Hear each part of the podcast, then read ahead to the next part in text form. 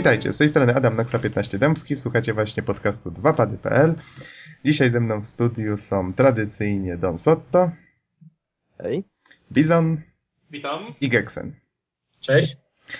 To co panowie, zaczniemy dzisiaj rozmowę od... Od spotkania z chmielarzem. Co wy na to? A, no dobrze, proszę bardzo, bo wiem, że masz świeże wrażenia. Tak, Dopiero co właśnie. wróciłeś? Dokładnie. Dzisiaj o 19 było spotkanie w Empiku w Warszawie z chmielarzem. E, No i przy okazji resztą ekipy, mniej trochę znanymi.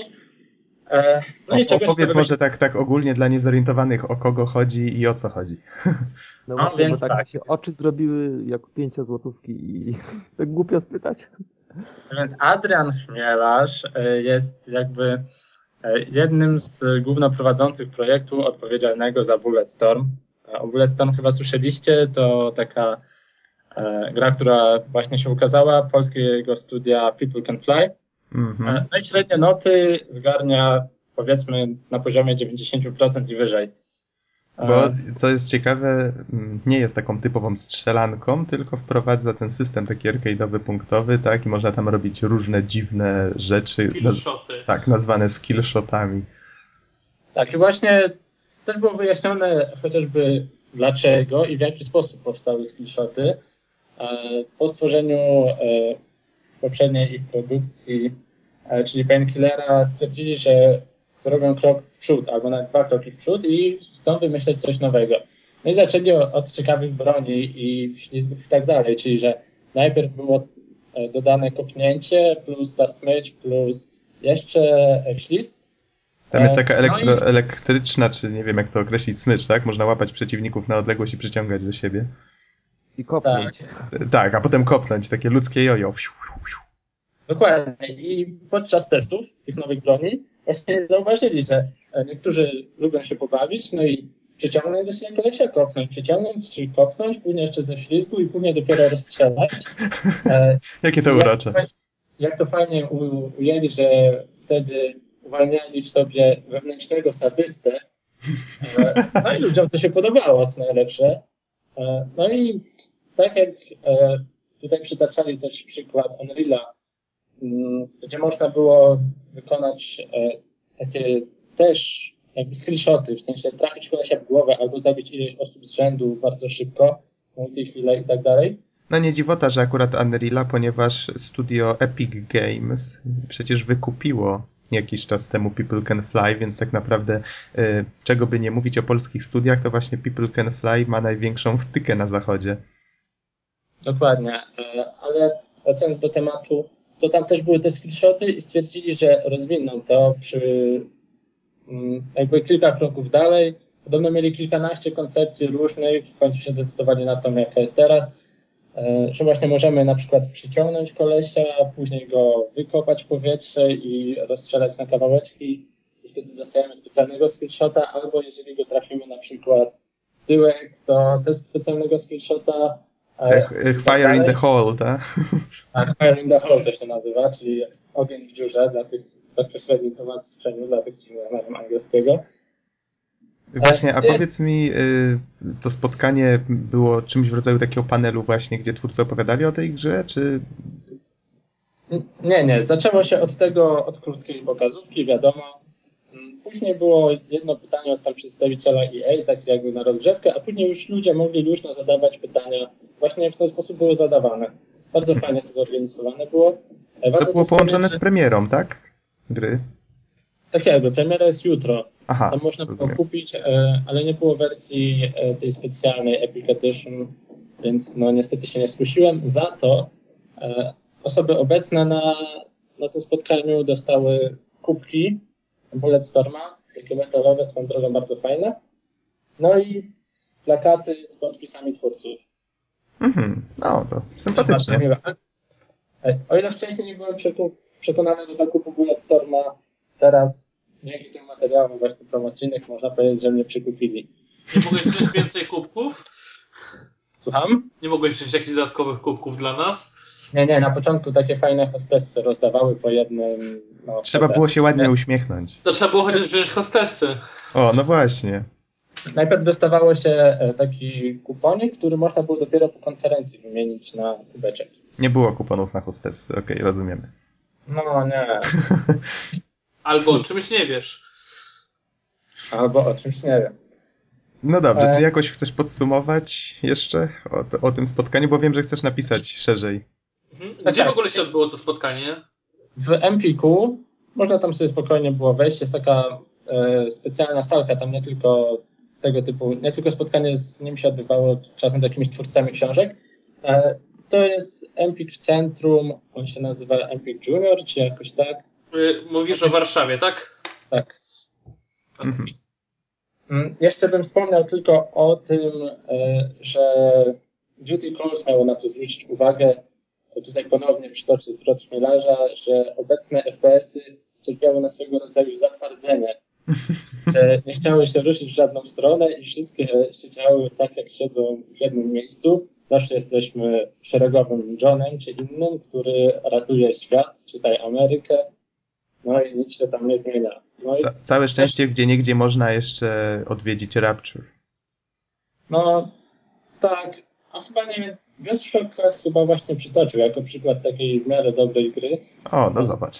ale mogę się pomylić tutaj. W każdym razie muszę przyznać, że te, te jakby mainstreamowe Call of Duty, Medal of Honor jednak są takie, jak wspomniał, e, a rozrywka, rozgrywka tak samo się nie zmieniała w FPS-ach, no bo nawet jeżeli pominiemy warstwę fabularną, no to zawsze jest wychyl się, strzelaj i chowaj się. Tak, to prawda. Nawet Killzone, o którym opowiadałem jakiś czas temu, na, mimo że jest bardzo dopracowany i grywalny, to jest po prostu strzelanką. No i to też mówiłem wtedy. Dokładnie.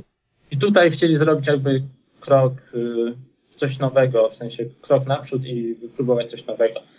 No dobrze, to chyba by wystarczyło tej relacji i postaram się w miarę szybko, jeszcze przed podcastem najprawdopodobniej zamieścić krótki artykuł. Tak, bo dzisiaj, dzisiaj przypominamy czwartek, my publikujemy w poniedziałek, a teraz wspomnimy w takim razie o The Elder, Elder Scrolls V Skyrim. Tak, pokrótce, bo się ukazał właśnie zwiastun z pierwszym gameplayem. Powiedzcie, jak wrażenia. Grafika jest epicka. Ja O, tam, zaczynamy od grafiki. Muzyka jest epicka. A, a jak klimat? Epicki. No, zim, Epicki. zimny przede wszystkim, nie? I epicki. I epicki. No dobrze, niech będzie. I epicki. Bo Nie, no, tutaj, gameplayu to na dobrą sprawę za dużo nie było widać chyba. Ciężko mi powiedzieć coś więcej. ale już można tak wstępnie próbować przewidywać, że będzie podobnie do Morrowinda i Obliviona, prawda? Tutaj wiem, że Norbert na pewno grał, a Bizon i Don Sotto graliście w Morrowinda lub Obliviona?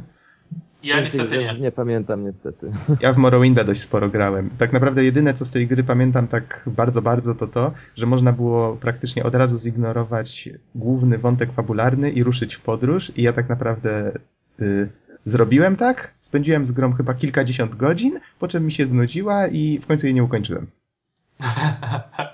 Tak mniej więcej to wyglądało. Tak, To nieźle.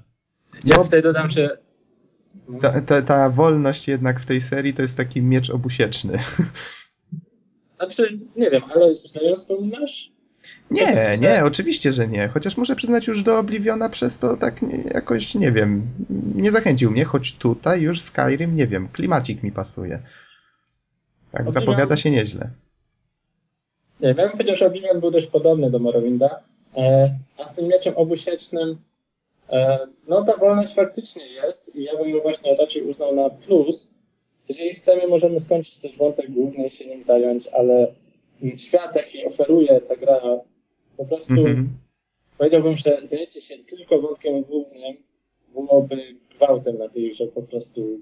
Świat, jaki tam mamy do dyspozycji jest ogromny, setki questów, nie wiem, żeby ukończyć wszystkie i tak dalej. Myślę, że potrzeba byłoby tak z 200 godzin. Nie wiem czemu, ale właśnie przypomniała mi się zbroja dla konia. Ojej. Ten, Tak. ten sławetny DLC, tak? Czy to jeszcze dodatek był zwykły? To było, Nie, to było pierwsze DLC, jakie pojawiło się na Xboxie. I to była właśnie zbroja dla konia, która była ni niczym innym niż teksturą. I była bardzo droga pewnie. No, tania nie była. Ale to taka ciekawostka. No Norbert, dokończ, dokończ, przepraszam, że ci przerwałem. E, no więc możemy podróżować po całym świecie. e, nie jesteśmy niczym ograniczeni. O to chodzi, że gra ma genialny system, na zasadzie dostosowuje się do naszego poziomu, poziomu naszej postaci. E, no i jeżeli dostaniemy questy, one są no też właśnie w odpowiedni sposób przystosowane. Na początku nie spotkamy od razu smoków, potężnych jakichś demonów. Na początku będziemy walczyć ze szczurami, Niezależnie od tego, jakie questy wykonujemy. Czasem się zdarzają specjalne, gdzie musi wystąpić specjalny rodzaj potwora, jednak jest on odpowiednio też wtedy osłabiony lub wzmocniony do, tak, aby nasza postać była go w stanie pokonać. Oczywiście nie, nie jest to też łatwe. Mamy regulację poziomu trudności, jednak mm, na takim normalu każda, każda walka jest jednak wyzwaniem. To ja pamiętam, nie wiem, gdzieś wyczytałem ostatnio, ale już nie pamiętam gdzie, że dochodziło do takich absurdów czasami, że pod koniec e, gry potrafiliśmy w byle jakiej jaskini spotkać, jak to było określone, bandytów w pełnych zbrojach płytowych. No tak. Z jakimiś magicznymi mieczami i tak dalej. To jest niestety związane z tym dostosowywaniem poziomu trudności. Mhm. No, ale nie ukrywajmy, że tak naprawdę każda gra jest pełna absurdów. No. No, Morrowind na przykład miał to ciekawe w sobie, że tam chyba każdy dungeon był generowany losowo, prawda? Jak się go, do niego wchodziło, to on wtedy był generowany i był na stałe y, zapisywana, jego struktura była na stałe zapisywana w save'ie. I chyba w Oblivionie, to chyba od ciebie się dowiedziałem, wszystko było projektowane już przez twórców. Oj, nie wiem, ja nie kojarzę takiego faktu. Nie, mi, mi się wydaje, że to od ciebie chyba słyszałem, ale... Na pewno postacie są, e, w sensie nie tyle cała struktura lochu, co postacie właśnie potwory, jakie tam są. Mhm. To jest na stówę losowo generowane. Aha. Właśnie tak, żeby się dostosować po pierwsze do naszego levelu, po drugie, żeby było jakoś tak ciekawiej, no i w zależności od tego naszego poziomu spotykamy różne te potwory i różne postacie. No dobrze, ale do Skyrim jeszcze wrócimy, bo to na pewno będzie chwytliwy, chwytliwy i epicki temat, tak, dokładnie. Jeszcze się dowiemy, jak to twórcy tam dopracują tą formułę, bo widać, że kombinują z tym za każdym razem. I przejdźmy w takim razie do głównego tematu dzisiejszego podcastu, czyli nastała cisza. Serii Total War. Hooray! Hooray! No, a że ja się nagadałem poprzednio tyle i w ogóle o tym Demon's Souls i zanudziłem was i wszystkich, to teraz ja sobie o, ja sobie usiądę, będę sobie pił wodę mineralną bez cukru, a wy możecie nawijać, ja może od czasu do czasu jakieś pytanie zadam. Opowiedzcie Dobrze. mi tutaj o Total War. Don może opowiedz o pierwszym swoim spotkaniu z Total War, z jaką częścią się po raz pierwszy zetknąłeś. Ja powiem od razu, że też trochę grałem, to możemy skonfrontować swoje doznania. No to znaczy tak, jak z którą się najpierw spotkałem? E, spotkałem się z Shogunem Total War, ale... Też to grałem? Nie w czasie premiery, tylko dużo, dużo, dużo później. Spotkałem się też z Roman Total War, z Medievalem tylko jedynką, no i potem Empire i Napoleonem. I jakie były moje wrażenia? To znaczy tak, generalnie to jest gra, która wymaga taktyki i wymaga na polu, bitwu, na polu bitwy jakiejś tam, jakiegoś zamysłu. Nie da, się, nie da się masą atakować. Trzeba mieć jakiś pomysł, trzeba mieć jakąś strategię i nawet ja, jako że nie jestem jakimś zbytnio dobrym strategiem i jakimś tam super fanem strategii, to jednak kiedy sobie na przykład y, włączyłem mm, losowe bitwy, to, to aż się prosiło, żeby zastosować tę strategię. I chociaż może tam nie wychodziło mi to do końca aż tak dobrze, to jednak sama gra jakby indukuje u gracza fakt y, taki, że, że próbuje jakąś tam strategię, strategię zastosować. Zwłaszcza, że dużo jednostek ma statystyki, różne statystyki, na przykład wiadomo, konnica premia do szarży, E, jakaś tam inna e, jednostka, na przykład z włóczniami, że są lepsi przeciwko konnicy i tak dalej, i tak dalej. I pozornie może się to wydawać całkiem dużo, ale tak e, spojrząc na to w całości, to te wszystkie statystyki są bardzo intuicyjne, więc łatwo można to załapać. Generalnie to pozwolę, War... pozwolę sobie przerwać.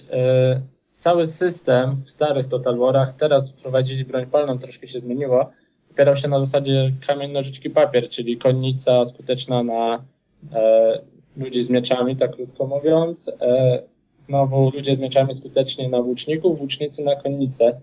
E, teraz w tych nowych serach troszkę się to zmieniło, bo dodali broń palną. Możesz coś o tym opowiedzieć ewentualnie? To jeszcze tak na sekundkę. A, nie wytrzymałem, muszę coś powiedzieć. No, ja mówiłem, że to będzie niemożliwe, że nic nie powiem. nie, ja chciałem tylko powiedzieć, że jakoś tak zawsze cechą rozpoznawczą tej serii było to, że ona w bardzo fajny sposób pokazywała pole bitwy, prawda? Ono było właśnie takie, mieliśmy bardzo duży, yy, taki jakby to ująć.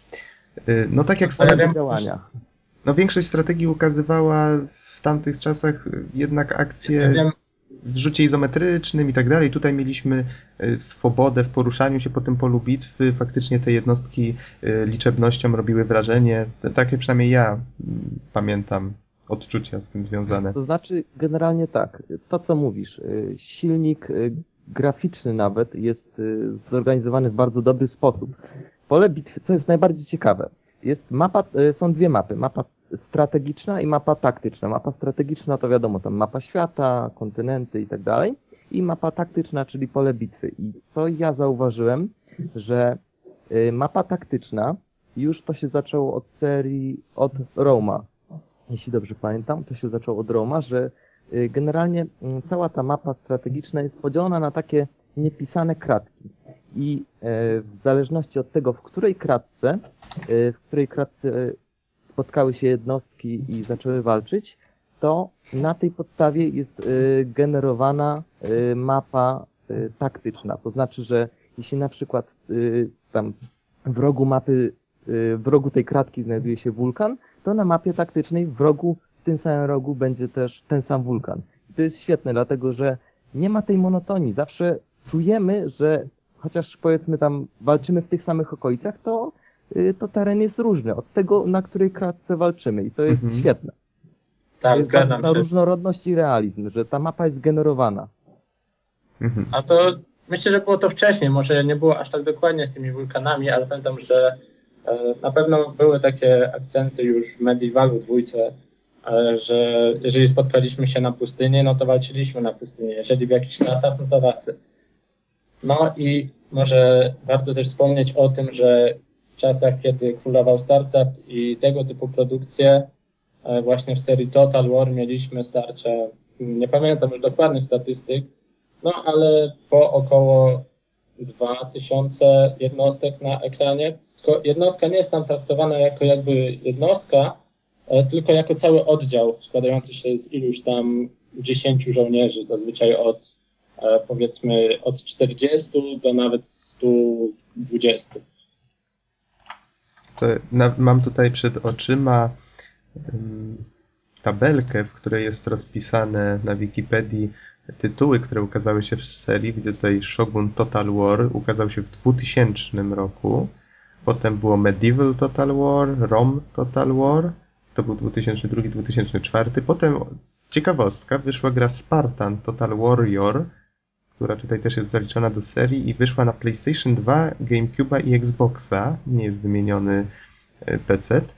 Potem to był 2005 i potem 2006 Medieval 2 Total War, Empire Total War 2009, w tym, czy przepraszam, w poprzednim roku wyszedł Napoleon Total War i w tym roku, na ten rok jest zapowiedziany Total War Shogun 2, więc powrót do korzeni niejako. Jest już demo, grałem, ale to może później, jak skończymy. Aha, okej, okej. Okay, okay. no, ja może jeszcze nawiążę do tych mapek, y, do tych generowanych map taktycznych.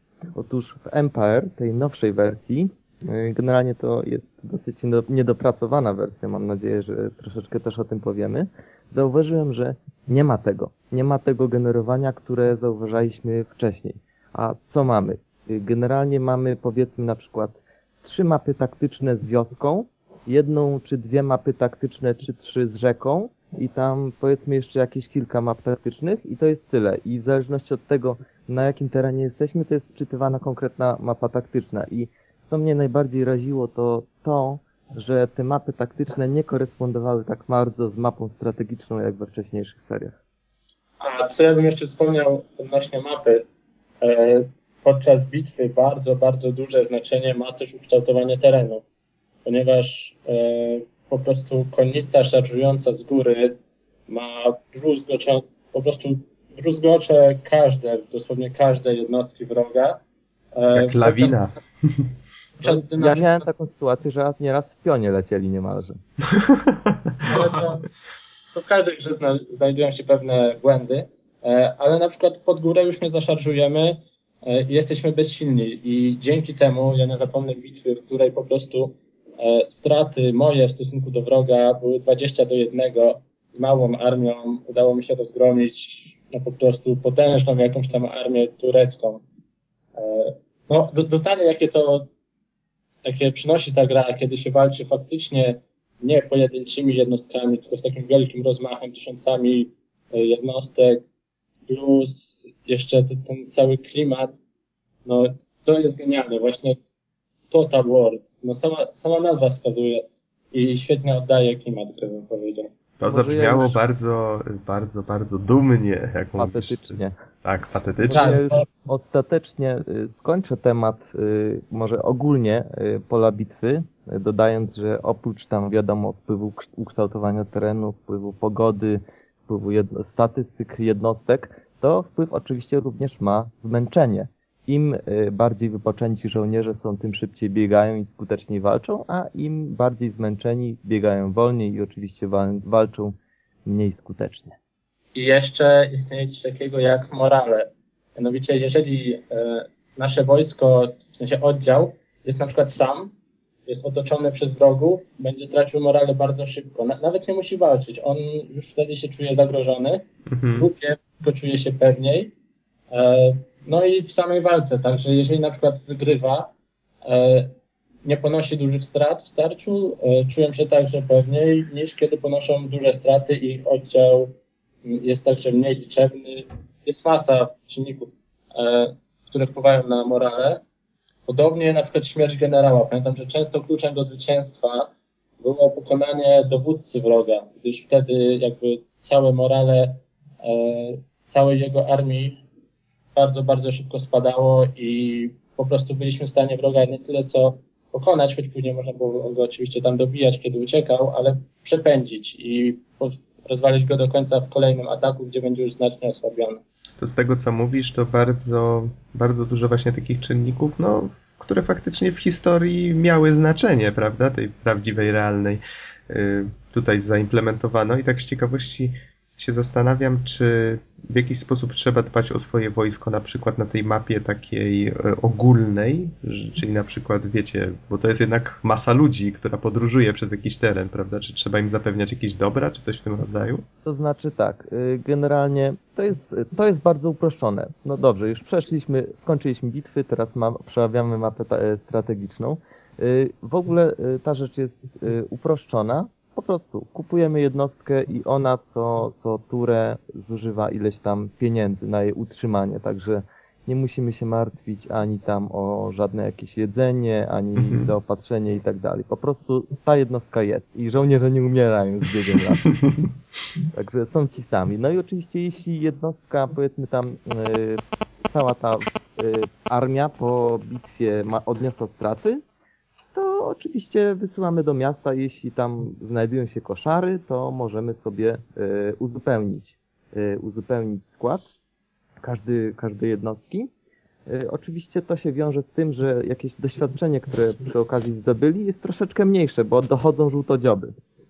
Także to jest bardzo fajnie, bardzo fajny sposób rozwiązane. Taki prosty, ale też w miarę realistyczny.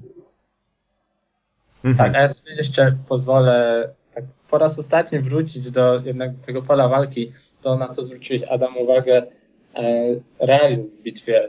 No, w czasach właśnie, kiedy królował StarCraft i tego typu strategia, walczyło się pojedynczymi jednostkami. E, tak zwane nagle... mikro było najważniejsze, prawda?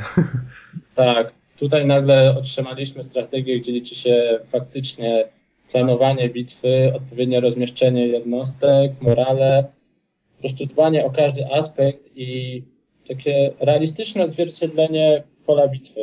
Nie to, co po prostu kto ma więcej jednostek, albo zwykła zasada kamień, nożyczki, papier, nie wzbogacona o żadne elementy taktyczne w stylu teren plus morale.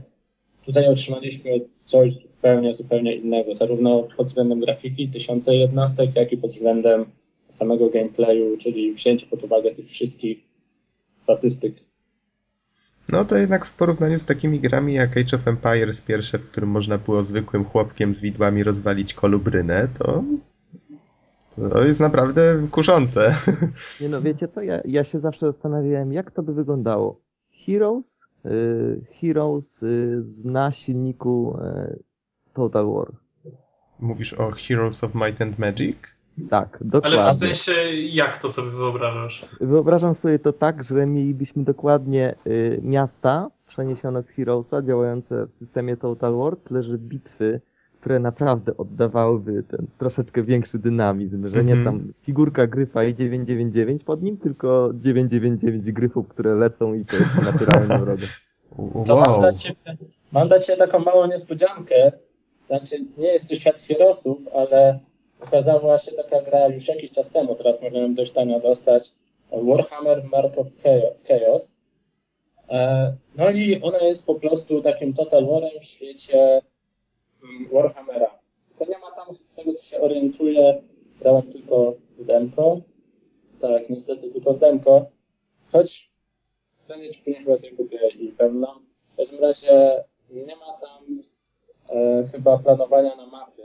Poruszamy się tylko jednostkami i zdobywamy kolejne grupy jednostek, ale jest to właśnie sam gameplay na polu bitwy jest taki jak Total War, bardzo podobny, e, tylko realia znacznie, znacznie inne fantazji. Nie, tylko przerwę ci na sekundkę, popraw troszeczkę mikrofon, bo tak y, f- faluje raz głośniej, raz ciszej cię odbieramy, żebyśmy cię nie Okej, już, stracili. już. chwilę.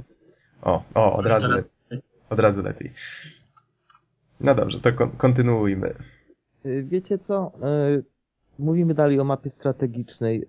Na przykład Nox, nie lubisz strategii. Powiedzmy na przykład, To znaczy, ja nie mówię, że nie lubię, tylko no jakoś tak, no nie wiem. Nie, nie, No dobra, kiedy, tak kiedyś były czasy, kiedy w nie grywałem, no. Tak no częściej. dobra, i tak, i tak zostałeś już zaszuf, zaszufladkowany. więc- Dobra, w każdym razie powiedzmy, że jest osoba, która powiedzmy nie radzi sobie z zarządzaniem miast, budowaniem budynków, bo tam należy tam rozwijać te miasta. O, to już teraz zostałem podwójnie zaszufladkowany.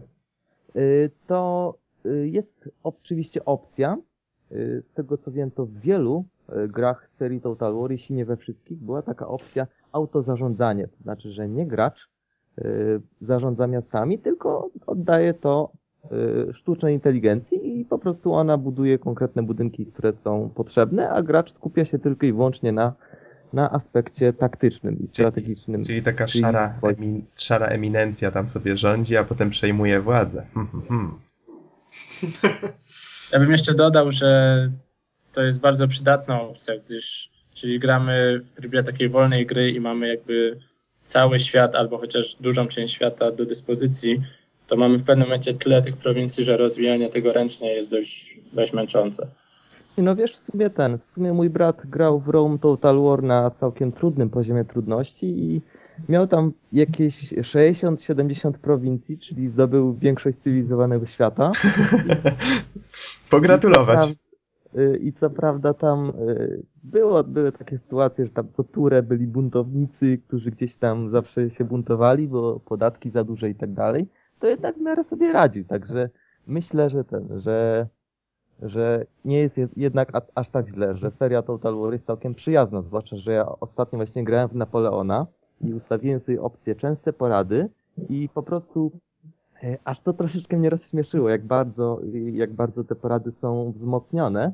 Na przykład puściłem turę i w następnej turze pora, e, doradca taki w lewym górnym rogu ekranu y, mówi w tym regionie są niewykorzystane źródła. Wybuduj budynek. I tam klikasz lupę i przenosić się do określonej prowincji. Albo inny taki przykład, że chciałem puścić turę i nagle wyskakuje komunikat, że moje zyski będą mniejsze niż wydatki i że grozi mi bankructwo. Czy na pewno chcesz puścić turę? No, tr troszkę Ja właśnie- o ciebie. Sama gra, szczególnie w tych mam- nowszych częściach, jest przemyślana. Jedną rzecz chciałem tylko zapytać, bo rzuciło mi się w, tutaj w uszy słowo tury. y, być może tutaj coś mi umknęło wcześniej. Y, rozumiem, że na mapie strategicznej, tej ogólnej, y, wszystko się toczy w turach, jeżeli mamy swoją turę, przeciwnik ma swoją turę, tak? Na tej zasadzie. I Tak. dopiero pole bitwy jest już w czasie rzeczywistym. Tak, to jest świetne rozwiązanie, dlatego że no ja grałem na przykład w Empire at War, to jest gra z Gwiezdnych Wojen, w której na przykład mamy imperium i tam planety, którymi się zarządza i tam wszystko jest w czasie rzeczywistym i okazuje się, że to jest troszeczkę nietrafione, no bo powiedzmy tam są planety, tam również można bazy budować, jakoś je urządzać, yy, budować jednostki, jakieś ulepszenia i to wszystko trzeba robić niemalże na wyścigi. Nie można się chwilę zastanowić, bo już przeciwnik coś tam robi. Także ja myślę, że po prostu rozwiązanie tura y, w mapie strategicznej i czas rzeczywisty w mapie taktycznej jest jak najlepszym rozwiązaniem, bo nie jest to gra na wyścigi. O, szybko muszę pomyśleć, co tutaj zrobić, bo przeciwnik zaraz zaatakuje. Tylko jest normalnie, to tak jak w rzeczywistości. Mieli czas do namysłu, wojna się nie toczyła w 5 minut, tylko tam troszeczkę dłużej, że można było trochę pomyśleć. Trochę, nie. trochę inaczej w trakcie bitew jednak, prawda? To jest tutaj też uwzględnione. A jest, co jest jeszcze ciekawsze, no dobra, wrócę do tych nieszczęsnych bitew, że e, są takie fajne opcje, że na przykład im dalej są wojska przeciwnika, e, tym e, mniej o nich wiemy. I na przykład jeśli jakieś tam barbarzyńcy, powiedzmy tam topornicy są daleko, to wiemy tylko, że są to topornicy i tam ich liczba X jest podana. Natomiast kiedy są bliżej, to już wiemy coś więcej o nich. Jest też inna opcja, blokada y, przewijania. To znaczy, im, y, jeśli nasze, powiedzmy, jednostki są w lewym, y, w lewym rogu mapy, czy po lewej stronie mapy, to możemy ekran przesunąć tylko do pewnego momentu mapy. Jeśli przesuniemy jednostki, to możemy przesunąć ekran dalej. Ale jest też, można iść dalej, tej, y, idąc tropem i włączyć sobie opcję, że kamera jest przyklejona do dowódcy, że możemy obracać się i oglądać y, świat, no powiedzmy mniej więcej z perspektywy dowódcy. Tyle, że myślę, że to już jest dla naprawdę fanatyków Ym, realizmu. A nie możemy wypuścić na przykład skauta, żeby poszerzył nam jakiś tam przed wojskiem zakres widzenia? Y, to znaczy tak, y, no i generalnie jeśli ktoś sobie włączy właśnie tą opcję, że widzi, widzi świat, znaczy pole bitwy ten, pod kątem dowódcy, to oczywiście widzi tam wszystkie te wojska wroga, widzi swoje wojska, ale kamera jest przyklejona do dowódcy, nie można przewinąć. Mhm, To jest właśnie taki realizm, że czujemy się jak ten dowódca, który tam gdzieś stoi powiedzmy na wzgórzu i obserwuje całe pole bitwy. Ale dobrze, tutaj przerwałem wcześniej Norbertowi, to tutaj po powiedz, Gex, co chciałeś powiedzieć wtedy. A o czym wcześniej mówiłem, bo już wyleciałem z kontekstu, skupiłem się na kolejnym. No, no właśnie tak wtargnąłem z butami w twoją wypowiedź i... No, zachowuj się trochę. O już, już, przepraszam. Dobra, Mia miałem się nie odzywać, dalej. się za dużo odzywam. Może wspomnimy coś o dyplomacji w tej grze, gdyż też ma ona duże, duże znaczenie. Don, No cóż, co do, więcej? dy- co do dyplomacji, to przede wszystkim we wszystkich wcześniejszych y, grach Total War oprócz Empire i Napoleon y, było tak, że mieliśmy taką specjalną jednostkę jak dyplomata i on sobie mógł chodzić po całej mapie świata bez względu na granice, y, bez względu na granice i musiał zagadać do kogoś. Na przykład mógł, y, mógł y, podejść do wrogiej armii, no i na przykład otwierało się okienko, i mieliśmy do wyboru kilka opcji. To jest bardzo ciekawe, że możemy, y, silnik dyplomacji umożliwia nam generowanie różnych traktatów i różny, jest dużo różnych możliwości, bo mamy w lewym rogu y, możliwości na przykład zażądać zapłaty, oddaj region i tak dalej i y, możemy połączyć kilka z nich w jedną ofertę i ją wysłać. A jeśli na przykład przeciwnik wyśle nam jakąś ofertę, to jest opcja oczywiście zaakceptuj, odrzuć albo kontroferta, czyli edytujemy tą ofertę, którą on złożył i potem wysyłamy. To może mogę uzupełnić, bo nie wiem, czy wszyscy zrozumieli. Cała zabawa polega na tym, że na przykład e, wróg chce, żebyśmy oddali mu jakieś tereny. My w zamian możemy zażądać albo, żeby on też nam oddał jakiś inny teren, w ten sposób zrobić wymianę, albo żeby oddał nam teren i zrobił nam dopłatę kasy, albo jeszcze jakieś inne takie warunki. Generalnie bardzo Królewne za żonę. A o królewnach i ewentualnie zabójstwach to jeszcze za chwilkę, bo to też jest O, będą A królewny. powiedzcie mi, takiego dyplomatę mogą wam zabić, kiedy on sobie tam pójdzie z Y, tym Można traktatem? zabić, ale nie może zabić wojsko regularne. Czyli powiedzmy idzie tam jeden dyplomata i idzie powiedzmy tam cała armia i oni nie mogą go zabić. To jest Patrz, takie jaki sprytny. Y, Tutaj też taki pewien błąd się wkrada, bo na przykład w Rome Total War wojsko nie może przekroczyć rzeki w dowolnym punkcie, tylko na mapie strategicznej jest mostek. I jeśli postawisz w tym miejscu dyplomatę, to dopóki nie zabijesz go innymi metodami, wojsko nie przejdzie. Jeden dyplomata stojący na drodze całego wojska. Tak, położy się na środku, tak z rozpiętą koszulą, nie przejdę. To faktycznie coś takiego często można było wykorzystywać? Stosowaliście tą metodę, żeby sobie ułatwić grę? Y, To znaczy mój brat trochę ją stosował, ale to nie miało większego wpływu, bo Tak. mostków też troszeczkę jest. Rozumiem. A y, dobrze, co do zabójstw, bo mamy też taką fajną instytu- instytucję jak zabójca. I to jest taki fajny pan, y, który oczywiście y, w polskiej wersji Empire mówił, że noc jest moją przyjaciółką, śmierć będzie tajemnicą i tak dalej. Y, I to jest jednostka, która jest niewidoczna dla innego gracza niż my. Y, Ona się oczywiście też może poruszać bez względu na granicę i ma szereg możliwości. Może na przykład wejść sobie w szeregi z cudzej armii i y, na przykład dokonać zabójstwa. Dokonać zabójstwa jakiegoś dowódcy. Czyli nie musimy zabijać dowódcy y, w, na mapie taktycznej podczas bitwy, tylko możemy to zrobić po cichu, skrytobójca. I oczywiście y, jest taka opcyjka, assassinate y, i oczywiście nasz, y, nasz zabójca ma procent szans, czy mu się to uda. Powiedzmy na przykład y, taki początkujący ma 33% szans, czy mu się uda i y, w wielu, y, w wielu grach Total War po wybraniu tej opcji wyświetlał nam się filmik. Filmik z udanej akcji i filmik z przegranej akcji. E, Rozumiem, że przegrana akcja kończyła się śmiercią szpiega, znaczy nie asasyna. ten szpieg albo zabójca mógł albo uciec ostatecznie, albo mógł zostać zabity. Mhm. Ale to jeszcze nie wszystko, co może zrobić ten zabójca. Zabójca oczywiście może zabić dyplomatę Dosypać soli do zupy króla. też. Y, może się wedrzeć do miasta. I co jest ciekawe, y, w mieście jest kilka opcji. Y, Może na przykład zrobić rekonesans i dowiedzieć się, jaka armia wroga stacjonuje w mieście, czyli wszystkie jakieś informacje o tej armii, ile tam jest ludzi, jakie jednostki i tak dalej. Może dokonać sabotażu, czyli na przykład zniszczyć jakiś budynek y, i może zabić dowódcę, również w mieście, jakiegoś naczelnika, namiestnika miasta. Jeszcze inna opcja.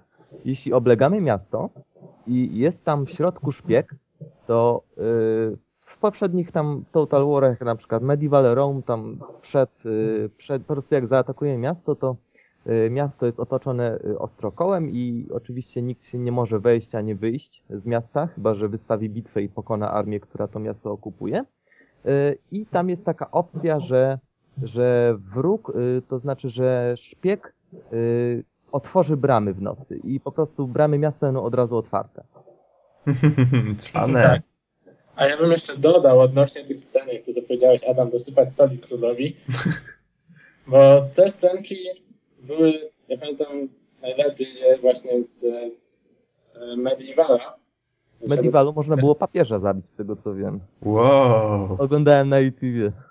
Tak, tak, ale wracając do te, tematu tych scenek, e, one były bardzo zabawne momentami e, i chyba seria Total War jest mi dość dobrze znana, gdyż nawet teraz w trailerach najnowszych Shoguna e, było, była właśnie pokazana jedna ze scenek, gdzie tam znowu asasyn się skrada. W każdym razie te scenki są dość humorystyczne często, szczególnie kiedy się nie uda e, wykonać misji, wtedy na przykład, nie wiem, e, nasz e, no, nasz ten zabójca jest pokazany, jak próbuje podłożyć węża i ten wąż nagle gdzieś ucieka w róg i coś, no i ten, ten asasyn musi szybko uciekać. Albo kiedy właśnie asasynowi się nie powiedzie, to ten wąż jeszcze kąsa naszego asasyna zamiast tą osobę, która e, miała zginąć, no i nasz asasyn ginie. E, jeszcze pamiętam, że z dostaniem się do miasta były jakieś śmieszne scenki, że wywołuje hałas nasz asasyn, później żołnierz się odwraca i tylko, że zamiast pójść jeden idą wszyscy i wiadomo, nasz koleś ginie.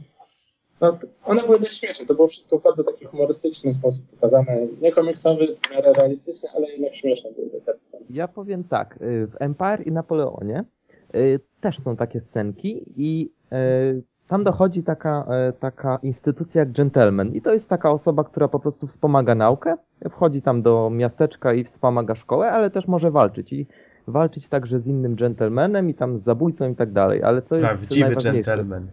nawiązując, y, znaczy, no to tak y, tłumacząc dosłownie, ale to taki człowiek nauki, taki pan, tak Aha. można to przetłumaczyć, taki państwo. I ten, i y, co do tego humoru, to mnie to troszeczkę zdziwiło, bo kiedy oglądałem na YouTubie te scenki, to ja myślałem, że to jest jakaś parodia. Otóż, y, wiadomo, XVIII-XIX wiek to pojedynki na pistolety, że Mhm. stoją naprzeciwko siebie i strzelają. I znaczy, najpierw odchodzą od siebie, odwracają i strzelają, i była taka sytuacja, że bohater robi te pięć kroków, odwraca się, pociąga za spust i nic. Klik, klik nie działa. Zagląda do lufy, pociąga za spust i się zabije. Albo O. inna sytuacja, że odwraca się, strzela i tam ptaszek na drzewie spada, a wróg tam wiadomo. Strzela do niego. Albo jeszcze inna, że odwracają się, a tam, yy, to znaczy jeden z bohaterów, yy, prawda, robi te pięć kroków, odwraca się i strzela, a drugi z bohaterów po prostu zaczyna uciekać. I zostaje postrzelony. Także ja Jeden myślałem, mądry. Że, ja myślałem, że to jest jakaś parodia i że to, to nie jest poważnie, że to jacyś fani to zrobili dla, dla Łacha, a to okazuje się, że, tam, że to jest y, oryginalny filmik i zdziwiłem się dosyć mocno. Grunt Tak, to mieć trochę dystansu do siebie, no.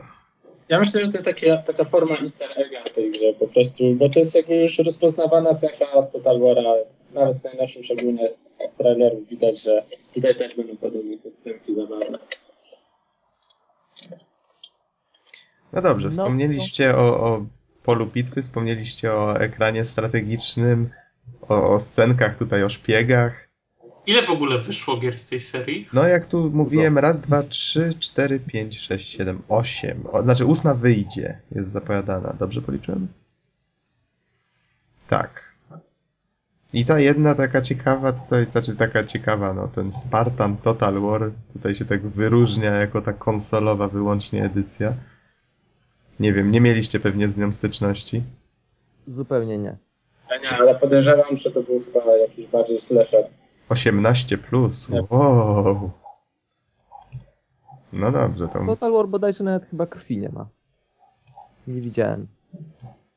A co możecie jednostki, prawda- powiedzieć? Co możecie powiedzieć właśnie o tych różnych y, tutaj realiach, w których toczą się te gry? Bo mamy tutaj Shogun, czyli, czyli jednak te takie wschodnie klimaty, mamy Medieval, mamy Rom, czyli poświęcone tylko Rzymowi. Co możecie To znaczy powiedzieć tak. na ten temat? E, Przede wszystkim e, Total War zawsze wybiera sobie taką epokę, w której zawsze znajdzie się ktoś, kto chce zawładnąć całym światem. E, A jeśli nie całym światem, to przynajmniej okolicą. Czyli. Y, W Shogunie na przykład mamy, y, mamy wojny klanów japońskich. Y, W Medievalu mamy y, oczywiście realia, y, realia średniowieczne, które teoretycznie sponte, te, i stereotypowo troszeczkę kojarzą nam się z wielkimi wojnami i, y, i z wielkimi bitwami. Y, Mamy Empire, czyli troszeczkę od połowy XVIII wieku bodajże wzwyż. E, tak no i tam oczywiście mamy też wojny, mamy Napoleona, czyli kogoś, kto znowu chce podbić cały cywilizowany świat, no i Rome też, też Rome podbija cały świat. Ale y, co najbardziej przykuwa, że cały ten silnik y, tak naprawdę, no, skłamałbym, gdybym powiedział, że się nie zmieniał, ale zmieniał się. Ale pewne rzeczy wciąż są te same i co jest naj, najfajniejsze w tym wszystkim, że chociaż te zasady nie ulegają wielkim zmianom, są tylko modyfikowane, to jednak wciąż pasują. Pasują do Mhm. tych realiów.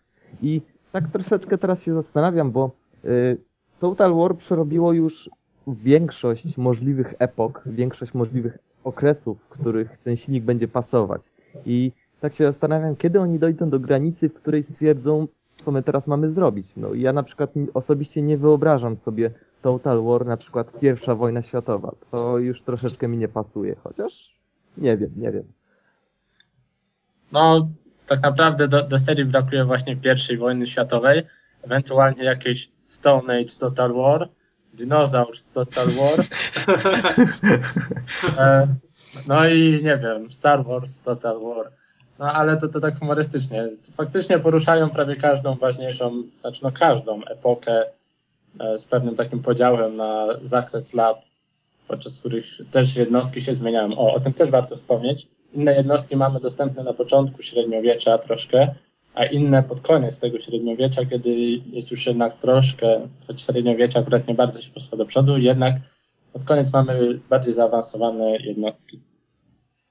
E, No to może jeszcze, jeśli o tych jednostkach, to ja powiem, że seria Total War podoba mi się przede wszystkim dlatego, że to jest y, praktycznie, no, ja się spotkałem z Total Warem i z niczym raczej takim więcej. To jest Total War to seria, która nie robi sobie jaj z historii. To jest seria, która y, może nie tam idealnie, ale odwzorowuje całkiem dobrze historię. Nie dość, że mamy różne jednostki. W Rome na przykład mieliśmy wiele plemion i każdy z tych plemion miały własne jednostki. Co więcej, każda ta jednostka i każdy budynek w mieście ma swój opis historyczny, czyli na podstawie badań, jak to wyglądało. I to jest świetne. Po prostu y, mamy powiedzmy Rzym, tam Hastati, jakieś tam jednostki, kohorta miejska i każda z tych jednostek ma swój opis historyczny, jak to wyglądało. Jakieś tam na przykład reforma Mariusza Gajusza, tam jest wspomniane, wszystko tam jest wspomniane. Praktycznie mamy taką historię w pigułce i ja serię Total War no pokusiłbym się o fakt, żeby zapisać jako pewną pomoc naukową, bo też bawiąc uczy. Czyli bez w wad. pewnym sensie. Ale też muszę niestety troszeczkę potępić, y, potępić y, Total War, szczególnie, y, seri- y, szczególnie gry Empire i Napoleon. Mhm. Otóż przede wszystkim co do Empire. E, Polacy mają husarię i to jest kawaleria najlepsza na świecie. E, Nie ma, nie ma lepszej kawalerii w grze. I to jest dobre. Ale najśmieszniejsze w tym jest to, że e, do kawalerii musimy technologicznie dojść, chociaż faktycznie ona już była. To była już dawno. E, I to jest troszeczkę małe nagięcie, ale da się to zrozumieć, bo jeśli to jest powiedzmy tam najlepsza jednostka w grze, to nie może być dostępna od początku, tylko musimy dojść do niej technologicznie. Czyli mimo wszystko Inne kwestia, nagięcie. kwestia balansu rozgrywki tutaj przeważyła, tak?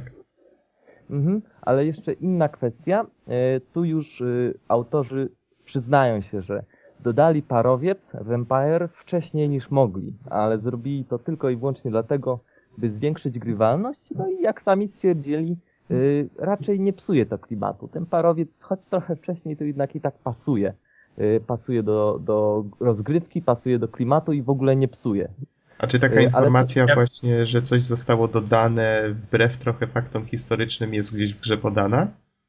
Y, To znaczy, wiesz co, y, nie zwracałem na to uwagi. Akurat nie czytałem opisu tej Mhm. jednostki, ale myślę, myślę, że opis historyczny jest niezachwiany.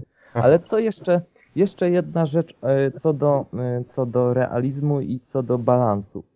Bo troszeczkę mnie drażni i w Empire, i w Napoleonie, że chodzi konkretnie o jednostki morskie i bitwy morskie. Ja jestem troszeczkę, y, troszeczkę znawcą amatorskim w tej dziedzinie, więc możecie się spodziewać tego, że dokładnie sobie porównałem. Y, Jeśli chodzi o Empire, to mm, oczywiście cała gra, no to jest duży, duża rozpiętość czasu, więc niemożliwe jest, żeby dostosować dokładnie takie jednostki, jakie były dokładnie w tym samym czasie i dokładnie w tym samym kraju, bo, bo te okręty zmieniały się nawet co 10, co 15 lat, więc byłoby to niemożliwe, żeby oddać to idealnie. Mhm. Yy, W Napoleonie było to o wiele lepiej oddane, dlatego że to jest konkretny okres, Napoleon, i wtedy te okręty o wiele lepiej były opracowane. Natomiast co mnie drażni, ten balans, bo do okrętów dużych też musimy technologicznie dojść. I zanim je dojdziemy, na początku gry pływają same małe jednostki. Tam na przykład, nie wiem, bryg czy słup, to są takie maluteńkie jednostki po 18, po 10 dział i żadna inna. I natomiast jak grałem w Napoleona, to też przy początku mapy jest to samo, tyle że e, chcąc bardziej nawiązywać do realiów historycznych, to Anglicy mają jedną wielką flotę i Francuzi mają jedną wielką flotę. Ja tą jedną wielką flotę Francuzów pokonałem y, i praktycznie byłem jedyną, y, miałem jedyną flotę, która miała większe okręty na całym świecie. Także Tak. to troszeczkę też, wiadomo, wi- prawda historyczna albo ten balans, tu trzeba wybierać. Nie można tego wyważyć. Tu czasem A to musi, musi trochę... Ja jednak pozwolę się tu. Ja pozwolę tutaj się jednak, e, że to tak powiem, trochę pokłócić, bo pewnie mówiłeś o takiej wolnej rozgrywce. Gra oferuje kilka trybów, mianowicie m, tak najkrócej można e, to opisać jako bitwy historyczne, gdzie mamy same bitwy e, odtworzone na podstawie takich, jakie się faktycznie odbyły, odbyły w historii. Tam nie mamy trybu sterowania e, jakby na planszy, tylko same bitwy. Mamy też e, taki tryb, gdzie prowadzimy pewne państwo w konkretnej kampanii. E, no i mamy też taki właśnie tryb wolnej gry. I w tym trybie wolnej gry pewnie właśnie często można się spotkać z takimi nierównościami, ale tam właśnie my tworzymy tą historię, tam my zmieniamy, a w tych pozostałych trybach my ją jakby staramy się tam odtwarzać i odgrywać po części po naszemu i tam jest ten realizm bardziej zachowany niż w tym trybie wolnej rozgrywki. To znaczy tak. y, To, co mówisz, oczywiście jest bardzo e, słuszne, jest prawdą. I chciałbym ten temat trochę rozwinąć, bo jak powiedziałeś, mamy bitwy historyczne i mamy kampanię. To jest Grand Campaign nazwane. I bitwy historyczne wiadomo, tam mamy na przykład, nie bitwa pod Al Algeciras, tam jakaś y, bitwa jakaś jeszcze inna i mamy dokładny opis historyczny, dokładne rozmieszczenie, opracowanie jednostek i nawet mamy silnik, y, na, znaczy nagrany filmik y, w silniku gry. Te postacie generałów tam mówią, poruszają się i to wszystko jest w silniku gry. Dokładnie w tym samym, w którym toczymy rozgrywkę, więc jest to całkiem, całkiem fajnie zrobione. Natomiast jeśli chodzi o tą kampanię, to mamy do wyboru kilka krajów.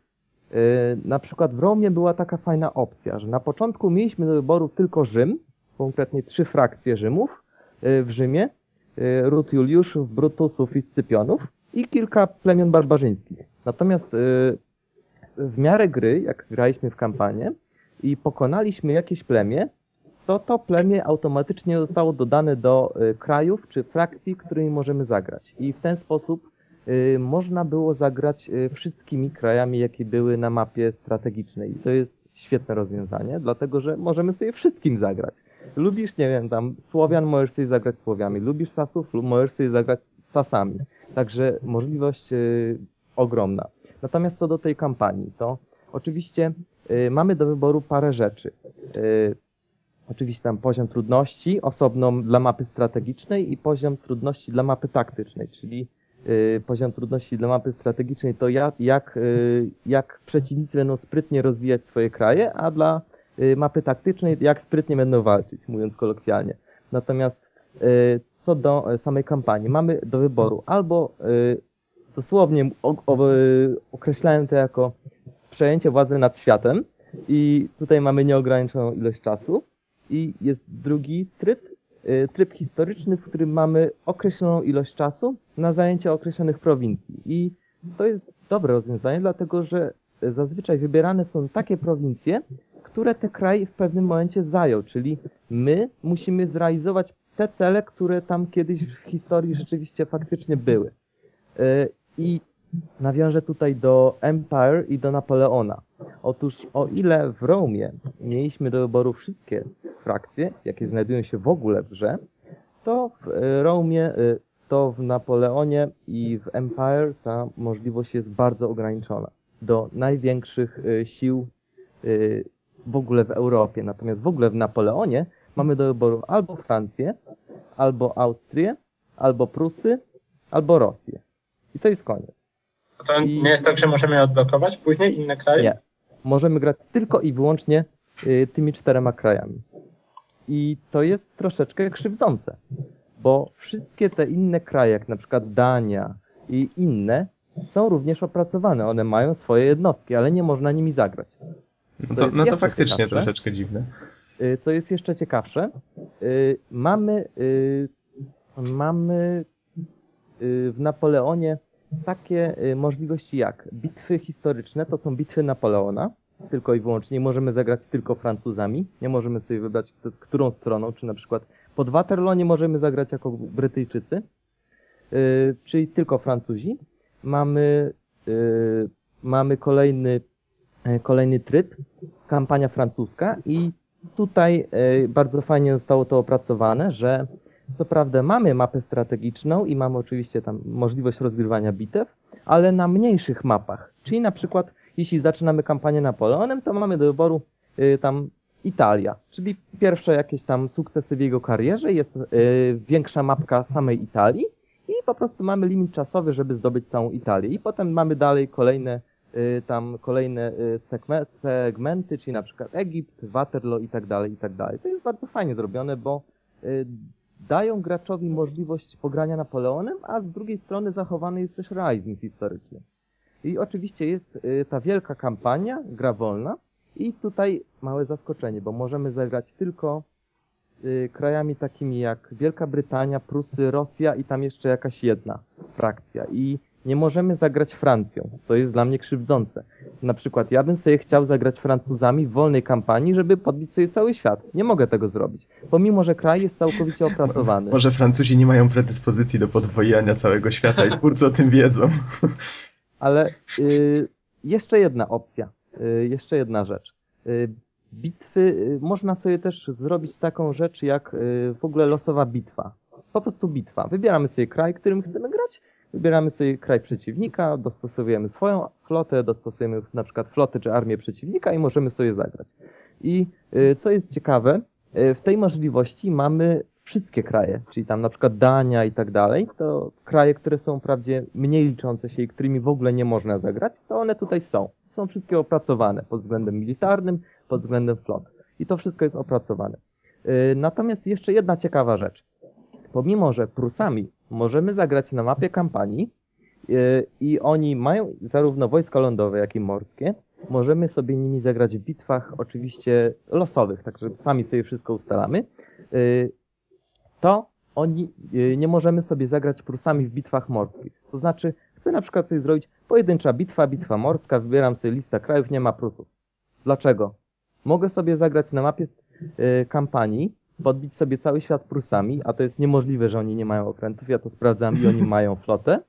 My możemy sobie nimi zagrać jeszcze in, y, podczas bitew lądowych, nie możemy sobie zagrać podczas bitew morskich. Dlaczego? Powiedzmy, y, teoretycznie, jakiś gracz lubi sobie Prusy, chce sobie zagrać, powiedzmy, jakąś bitwę morską Prusami. Oni mają, powiedzmy, jakieś y, specyficzne okręty, nie?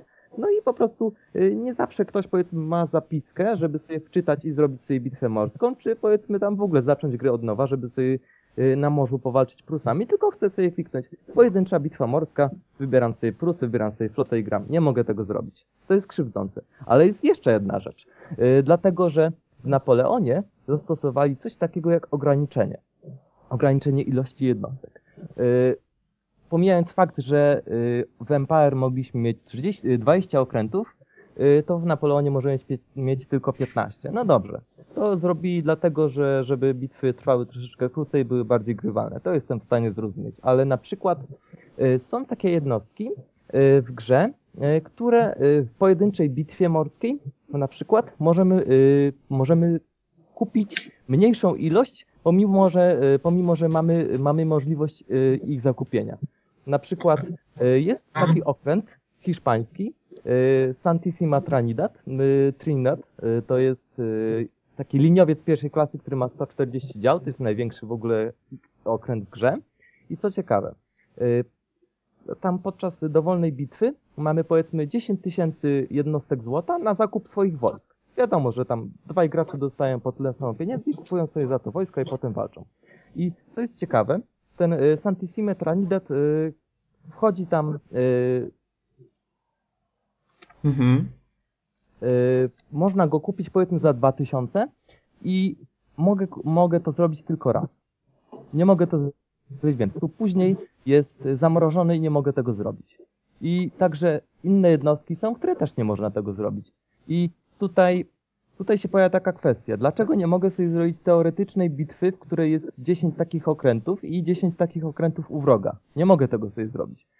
I co jest jeszcze ciekawsze, Prus, y, Prusowie mają jedną jednostkę lądową, która jest najsilniejsza i którą możemy wyprodukować tylko raz.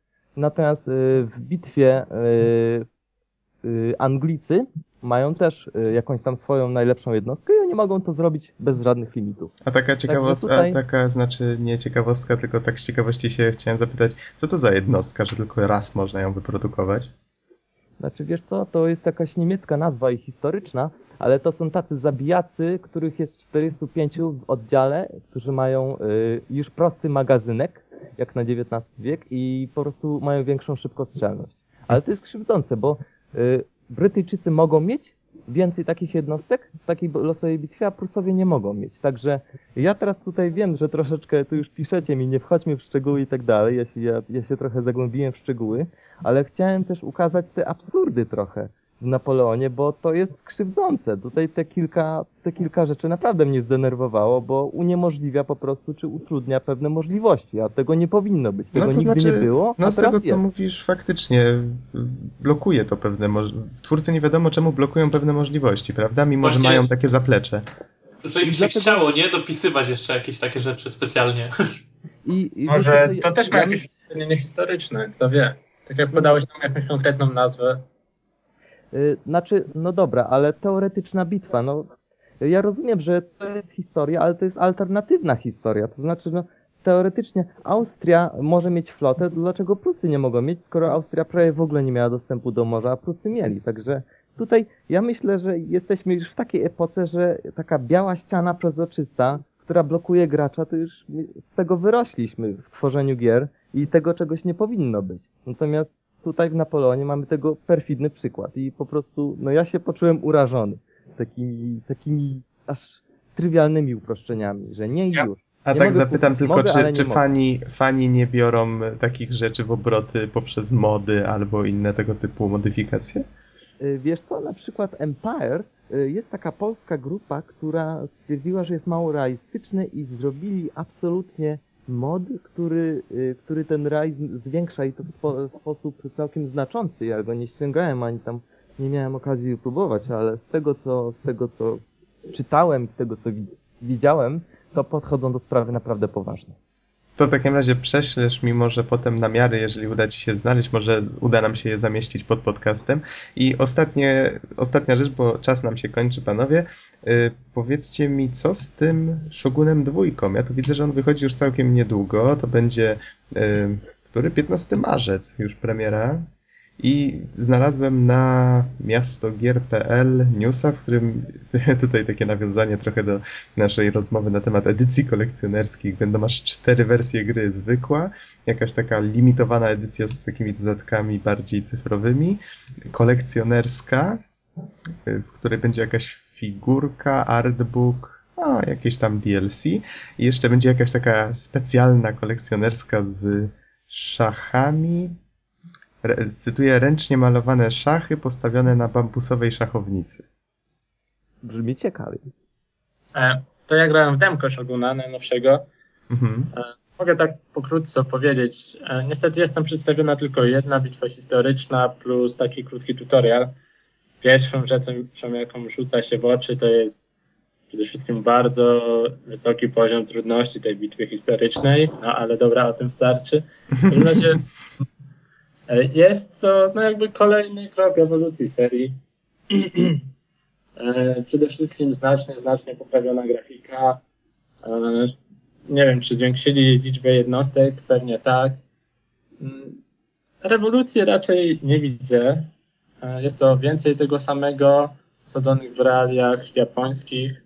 Mm, To od czego zaczynała seria, więc myślę, że spotka się z bardzo ciepłym przyjęciem osób, które grały w Shoguna 1. No i bardzo ciepło wspominają. Od siebie mogę jeszcze dodać, że tutaj trochę podsłyszałem, e, oglądałem trochę wywiadów i e, twórcy zapowiadają też e, bitwy morsko-lądowe, to znaczy na, na wybrzeżach, że i, i mamy jednostki lądowe, które będą walczyć i jednostki morskie, które też będą walczyć. Mhm, czyli będzie można w jakiś sposób pewnie wspomagać, yy, nie wiem, jednostkami na tymi morskimi, powiedzmy, wojowników na lądzie?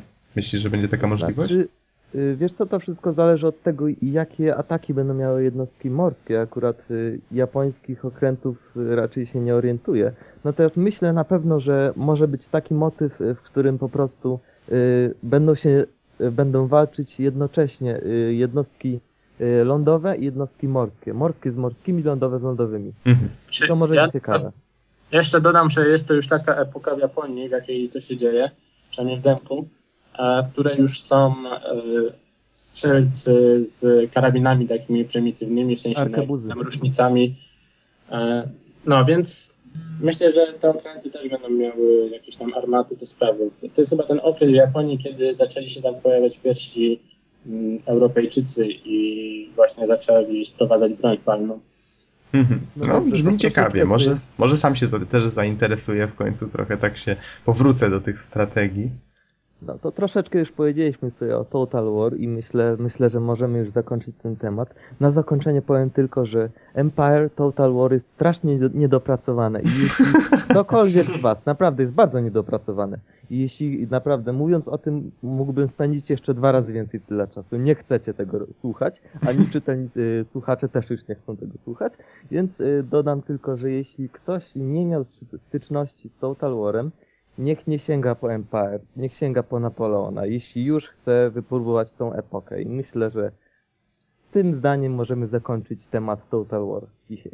Dobrze, ja tylko powiem, że Napoleon jest najnowszą, tak, częścią. Z tych, które się ukazały. Tych, które się ukazały, tak. A Shogun to już lada moment. No dobrze, w takim razie dziękuję Wam bardzo za, za dokładny opis serii. Faktycznie zainteresowaliście mnie tematem. I w takim razie. W takim razie żegnamy się już ze słuchaczami i do następnego podcastu. Tak? No, chyba tak, na razie. Trzymajcie się, hej.